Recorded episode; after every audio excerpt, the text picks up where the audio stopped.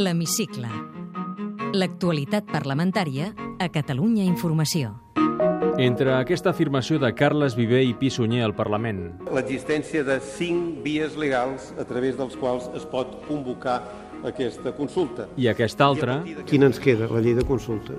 ha passat un any. El director de l'Institut d'Estudis Autonòmics i president del Consell Assessor per a la Transició Nacional assumeix que l'estat espanyol ha tancat la porta a quatre de les cinc vies legals que plantejava el Parlament ara fa un any per fer la consulta sobiranista i que només queda la que es tramita ara mateix al Parlament i que s'aprovarà en comissió el 16 de juliol. A preguntes de la republicana Gemma Calvet, Viver i Pissunyer deixava clar dimecres que la sentència que suspèn la declaració de sobirania obre una escletja constitucional per fer la consulta. Jurídicament no existia una referència constitucional explícita al dret a decidir vinculat al principi democràtic. Avui la tenim. Aquesta sentència, us he de dir, encara que afecti tots els espanyols, es pot fer una pregunta als ciutadans d'una comunitat autònoma preguntant si volen iniciar aquest procés que al final haurà afectarà a tots els espanyols i caldrà un referèndum de tots els espanyols. A la Comissió del Dret a Decidir, el socialista Maurici Lucena va suggerir al compareixent que faci informes sobre la tercera via. El convergent Oriol Pujol li va replicar més tard. Estaria bé que el govern, i a mi m'encantaria que fos vostè mateix, encarregués informes que cobrissin no l'alternativa de la independència, sinó l'alternativa d'opcions en el marc de la tercera via, des de la confederal fins a una federal suau. Avui damunt de la taula hi ha una tercera via damunt de la taula que cap consell assessor tingui l'encàrrec d'estudiar. No hi ha res alternatiu a estudiar. Ah, Sí, una cosa, l'estatus quo. Viver i Pissunyer va presentar els últims informes del Consell Assessor per a la Transició Nacional. Es va esplaiar, sobretot, en el de les relacions amb la Unió Europea d'un eventual estat català. El gran dilema que té Catalunya no és si estarem dintre o fora, com solem dir. No? Jo crec que aquí ens hem tirat un tret al peu, cosa que fem sovint. No? Dir, És que ens quedarem a dintre. Doncs ara veurem que possiblement no ens quedarem a dintre. L'escenari primer és difícil. I va avançar que el Consell analitza les proves d'accés que la Unió Europea posa als nous estats que volen adherir-s'hi. Hem agafat els screens que s'han passat als tres darrers estats que han entrat i estem veient quins són els requisits que exigeix la Unió Europea, tant d'organismes reguladors com també d'estructures administratives. Aquests informes que estem acabant d'elaborar ens diuen que la situació d'una Catalunya independent no seria massa costosa, diríem, de, per complir els screenings. La Junta de Portaveus del Parlament ha aprovat una declaració que exigeix el retorn immediat de tots els documents de l'Arxiu de Salamanca reclamats per la Generalitat. No ha estat declaració institucional perquè Ciutadans i el PP no l'han volgut signar. Sentim l'ecosocialista Dolors Camats i Carina Mejías de Ciutadans. que en el cas de que no hi hagi les persones físiques o les organitzacions successores directes dels propietaris d'aquests eh, arxius, doncs la Generalitat pugui fer el paper no, de reclamar-los en nom de, dels anteriors eh, propietaris. La Generalitat el que vol és constituir el seu propi arxiu, el que vol és subrogar-se en els drets d'aquests particulars, trencar la unitat d'arxiu en l'arxiu de Salamanca. La Comissió d'Estudi del Fracking ha aprovat les conclusions aquesta setmana, un any després de la seva posada en marxa. A finals de juliol les validarà el ple. I què diuen? Doncs que la cambra rebutja de manera definitiva la tècnica de fractura hidràulica per fer prospeccions i explotació d'hidrocarburs no convencionals perquè la considera una pràctica agressiva, una greu amenaça pel territori i una opció perillosa per als recursos naturals de Catalunya. Les conclusions són fruit d'un pacte entre Convergència i Unió, Esquerra Republicana, Iniciativa Esquerra Unida i parcialment la CUP. Escoltem el diputat del grup mix, Quim Arrufat, L'ecosocialista Salvador Milà el republicà Marc i Sangles... el convergent Antoni Fernández Teixidor. les pròpies conclusions són una petita gran victòria del municipalisme en primer terme, segurament amb l'Ajuntament de Ridaura al capdavant, Cal destacar la importància decisiva que han tingut els moviments socials i plataformes, el món municipalista i el rebuig a la societat catalana en general. Agrair la feina que hi ha hagut en el territori ha sigut el punt inicial d'arribada d'aquesta comissió. El nostre grup manifesta la seva satisfacció per aquest acord general que recull el text que acabem de votar. El PSC ha donat suport als 14 punts de les conclusions i Ciutadans gairebé a totes. Així s'explicaven Jordi Terrades i Inés Arrimadas dimarts després de votar. El Parlament de Catalunya, com a declaració política, igual que ha fet altres vegades amb altres temes, havia de fer una declaració política en el sentit de que Catalunya havia de ser un territori lliure de fracking. Creo que es fundamental también que en Cataluña no hay recursos suficientes como para que el fracking pueda ser una técnica rentable. L'únic partit que s'ha oposat a les conclusions de la comissió del fracking és el Partit Popular. Santi Rodríguez, portaveu adjunt del grup. Si algun grup ha mantingut una posició coherent des del començament d'aquesta comissió fins al final, ha estat el nostre grup parlamentari.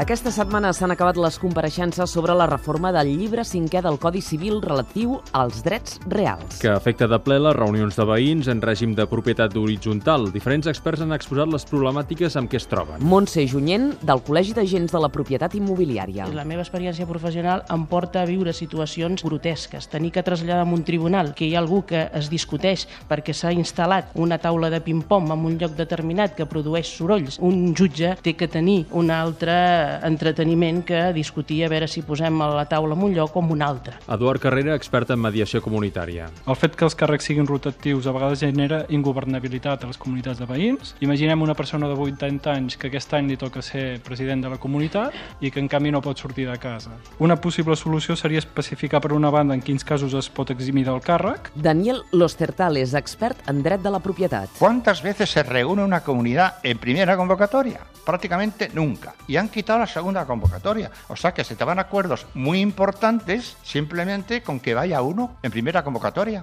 Eso no puede ser en ese sentido.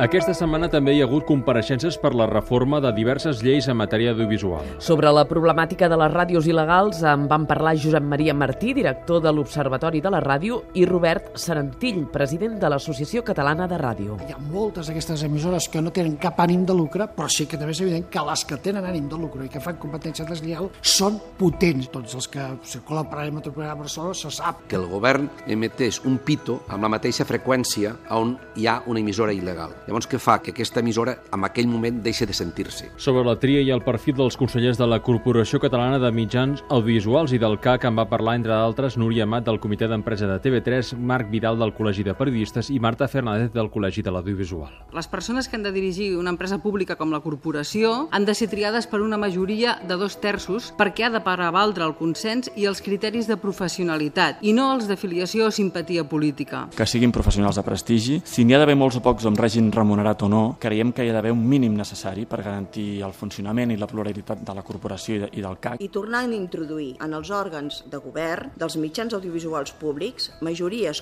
qualificades amb la presa de decisions Es va referir a la supressió dels blocs electorals, entre d'altres, Rosa Gordillo, del Comitè d'Empresa de Catalunya Ràdio. Proposem un redactat on s'indiqui que durant les campanyes electorals el criteri que seguirà per informar de l'actualitat política serà única i exclusivament periodístics. Això sí, s'haurà de respectar el que marca la llei electoral pel que fa a la propaganda electoral.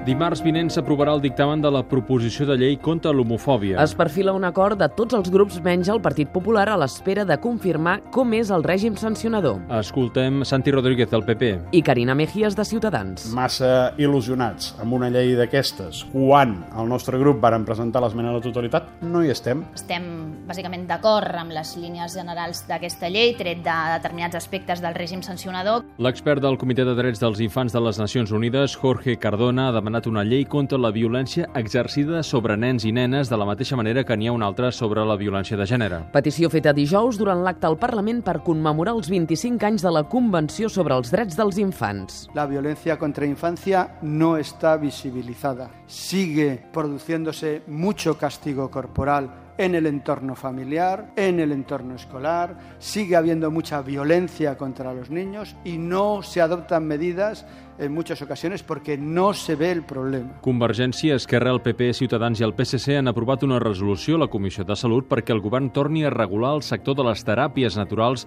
per superar el buit legal i a favor de la seguretat dels usuaris. El decret de la Generalitat, que ja ho feia, va ser anul·lat el 2009 per falta de competències. I acabem dient que el Parlament s'ha afegit a la celebració del centenari de la Mancomunitat de Catalunya amb l'exposició d'una vuitantena de documents de l'època. que inclou un original de l'Estatut d'Autonomia aprovat per l'Assemblea de la Mancomunitat de l'any 1919. Té la paraula Montserrat Rivera, diputada al Parlament de Catalunya pel grup de Convergència i Unió i alcaldessa de Guardiola de Berguedà. en una frase. Senyora Montserrat Rivera, què n'espera de Felip VI? Espero que ens ajudi a aconseguir els nostres objectius. Està per un referèndum de monarquia o república? Per mi no és primordial. Prefereixo el referèndum de la consulta. Vol que Catalunya esdevingui un estat? Sí. Que sigui independent? Sí. Què passa si la convocatòria de consulta del president Mas és impugnada? Pues haurem d'anar a unes eleccions plebiscitàries. Quan? Espero que sigui cap a finals de la legislatura. Quina injustícia l'enerva més a Catalunya? La pobresa. Quan acabarà la crisi? Jo crec que la crisi comença a acabar, però estarem temps a poder-ho notar. Ha estat mai a la cua de l'atur? Afortunadament no hi he estat mai. Si es queda sense feina, quina és la primera porta que trucaria? Tinc un contracte laboral amb la Generalitat. Si no tinc aquesta, espero tenir aquella i si no sóc economista i espero que em pugui defensar per mi mateixa. Els seus ingressos han pujat, baixat o s'ha mantingut en els últims 5 anys? Han baixat, al voltant d'un 15%. Ha canviat de cotxe recentment? Doncs sí, perquè en tenia un ja amb 500.000 quilòmetres i 12 anys. Quin model, el nou? Un Seat León, igual que el que tenia. Ha pagat o cobrat mai a negre? No. Posaria la mà al foc que al seu partit ningú ha comès mai cap irregularitat? La presumpció d'innocència és molt important i, per tant, mentre no es demostri el contrari, jo confio en tothom del meu partit. Quins estudis té? Llicenciada en Economia. De què ha treballat abans de fer de diputada? He estat en empreses fent d'economista, departaments de comptabilitat i després he estat molts anys treballant pel Departament d'Indústria. Quin art l'apassiona més? M'agrada molt eh, llegir. Un llibre de capçalera. Un món sense fi, del Ken Follett. Segueix alguna sèrie de televisió en especial? Últimament estic mirant els dies que puc aquella de 39 més 1. Em distreu moltíssim. Peix o carn? Peix. Com reparteixen les feines domèstiques a casa? Jo tinc una persona que m'ajuda i jo mateixa. En quins pobles o ciutats ha viscut al llarg de la seva vida? Estic visquent a Guardiola de Berguedà, he viscut a Manresa i he viscut a Barcelona. Si tingués una màquina del temps, on viatjaria? A l'època dels egipcis. Fa meditació o esport? No faig meditació i faig poc esport. Tinc poc temps i a sobre sóc una mica gandula. Quina és la cosa que l'omple més a la vida? M'omple molt estimar. Ser estimada també, però sobretot estimar. Creu en l'amor a primera vista? Sí. Amb quin sex símbol compartiria una estona? M'agrada molt el Kevin Costner.